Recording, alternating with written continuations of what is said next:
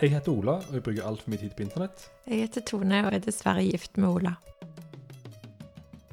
Og I denne podkasten forteller jeg deg om noe jeg har lært på internett i dag. Og I dag skal jeg fortelle deg om Kjell Laugerud.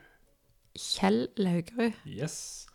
Han ble født i 1930 av eh, Per Laugerud og Catalina Garcia i Guatemala.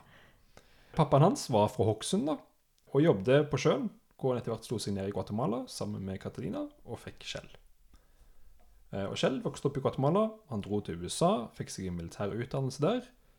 Noe som etter hvert skaffet han jobben som forsvarsminister i Guatemala. Oi. Eh, Ja, ganske kjekt. Ja. I 1972 så var han forsvarsminister i Guatemala. Det er ganske gøy at en nordmann Ja. har denne stillingen i et annet land. Så ble det presidentvalg i 1974, to år etterpå. Og Kjell Augerud stilte som presidentkandidat. Oi sann. Ja, ja, ja. Og på valgdagen, da, da 45% av stemmene ble opptalt, så leda rivalen hans. Og da bare forsvant alle TV- og radiosignaler i hele landet. Så militæret stoppet alt. Så gikk det noen dager, og så vant Kjell Laugrud. Det det valget. Ja. Han ble utropt som vinner, og rivalen eh, Han godtok dette her fra eksil i Spania. Ja. Så han eh, ble kasta langt vekk. Oi. og sånt. Så Kjellegrud, nordmannen Kjellegrud han leda et militærkupp i Guatemala og vant. Dette jeg tenker jeg at er det snodig at vi ikke har hørt om før.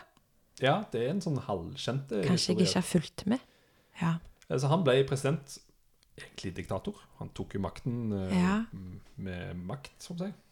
Eh, by force. eh, og han gjennomførte egentlig veldig mange positive endringer i, i landet. Og så var han veldig kjip mot motstanderne sine. Ja. Eh, I ettertid så han sikta for flere brudd på menneskerettighetene. eh, og drev en voldsomt aggressiv nedsabling da, av konkurrenter og opprørere. Hvor er han nå? Han er sikta til han er ikke dømt. Ja, jeg kommer litt til det. Oh, ja. Eh, For han gjorde òg da veldig fine ting. Og Ja. guatemalere som blir spurt om han i dag, sier sitat Han var ikke den verste. Nei, ja, det er litt sånn kjærligheten til Stalin og så videre. Mange assosiasjoner her. Ja, men da, da, både den før og etter var veldig mye verre enn han. Ja. Han var på ingen måte en, en snill mann, men han var ikke den verste. I deres historie. Ja, I deres historie så var Mm. han eh, Om ikke one of the good guys, så var han langt ifra den de snakker verst om. Og det han var mest hissig på, eh, det var Belize, som da er et land rett øst Ja. for Guatemala, som på den tiden var under Storbritannia sitt styre. Eh, Og Belize ligger jo vegg i vegg, og på kartet så ser det veldig ut som noen bare liksom satt en loddrett Ja, det er strek, bare, gøyale er grenser. Ja, nå er dette Storbritannia sitt Ja. det ser egentlig ut som det har vært en del av Guatemala. Eh, og det var det eh, Kjell Laugu òg tenkte. Å ja. Eh, og han var ganske sikker på at det er vårt. Så han brukte to år på å samle en svær hær og skulle erklære krig mot Storbritannia for å ta Belize tilbake. Ja. Og i 1976 da var han klar for invasjon. Eh, nå skulle han ta det landet tilbake og liksom gå mot stormakten eh, Storbritannia. Og så smalt det.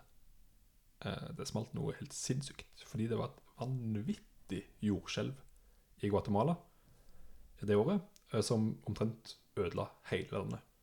Å ja. Eh, På få timer så døde 20 000 mennesker, og landet ble omtrent jevna med jorden. Altså alle bygd, alt raste. Oi. Eh, Så planen til Shell om å gå til krig mot Storbritannia, den måtte han liksom legge litt på is. det går ikke nå, for nå sliter Altså, landet finnes ikke lenger. Så han måtte bygge det opp igjen, da. Eh, Og det gjorde han. Og i ettertid så har han fått veldig mye skryt for måten han håndterte det på. Han lånte penger av Verdensbanken og fikk okay. opp infrastruktur og investert i fiskenæring og sånt. Mm. Så han fikk veldig mye skryt for infrastruktur og sånn jobbskaping-delen av det. Men det var også et veldig vendepunkt sånn politisk i Guatemala. Eh, for nå ble det veldig mye uro, veldig mye vold. Og veldig mye av det var arrangert av Shell. eh, Og enda mer ble ignorert av Shell. Så oh, ja. han hadde sånne geriljaer ute i skogene der som utførte ting foran, som Amnesty og alle så, og han bare snakket ikke om det. Oh, ja. Så han godtok det, liksom. Ja. Selv om ikke han nødvendigvis orkestrerte det. Det var veldig mye tortur, veldig mye drap. Eh, Jimmy Carter, eh, som var president i USA, sa til slutt at nå var det nok. Eh, og uttalte seg og kritiserte regimet til Shell, og da bare kutta han all kontakt med USA. Ja. som USA ikke fantes. Så Ja. han var jo helt åpenbart ikke en good guy her. Men etter fire år som president så valgte han da ikke å stille til gjenvalg i 1978. Oi, det er jo uventa. Ja, veldig. Sånn. Så han bare trakk seg etter fire år, som en liten bonus til seg sjøl, virker det som. Eh, Dagen før han forlot presidentkontoret, så sørga han for at 50 uvæpna maya-indianere ble regelrett bare henretta. Bare som en sånn gave til seg sjøl, virker det som. Ja, så da er man lykkelig resten av livet, vet du. Kan leve på det. Så. Nordmannen Shell han var diktator i Guatemala i fire år, på seint 70-tallet. Han drev grove brudd på menneskerettighetene mens han holdt på. Han ble aldri stilt til retten for det. Han, eh, derfor spiser han er sikta for det, men han ble aldri stilt til retten. Og han døde da 79 år gammel i 2009. I 2009. Så dårlig at han ikke ble stilt for retten. Ja. Det er til og med han eh, Alex Rosén, programlederen i NRK. Oi, det var blast from the past. Og Kjente jeg. i, i, i to, 2001 så dro han til Guatemala og intervjuet han. Og han oh, ja. var liksom en fri mann og, og snakket med han om dette. Så det programmet fins Herlighet. Folk i verden. Ja. Oi. Så det var Det er nok en gang mye å ta tak i av denne historien, altså. Norsk diktator. Ja. Spennende.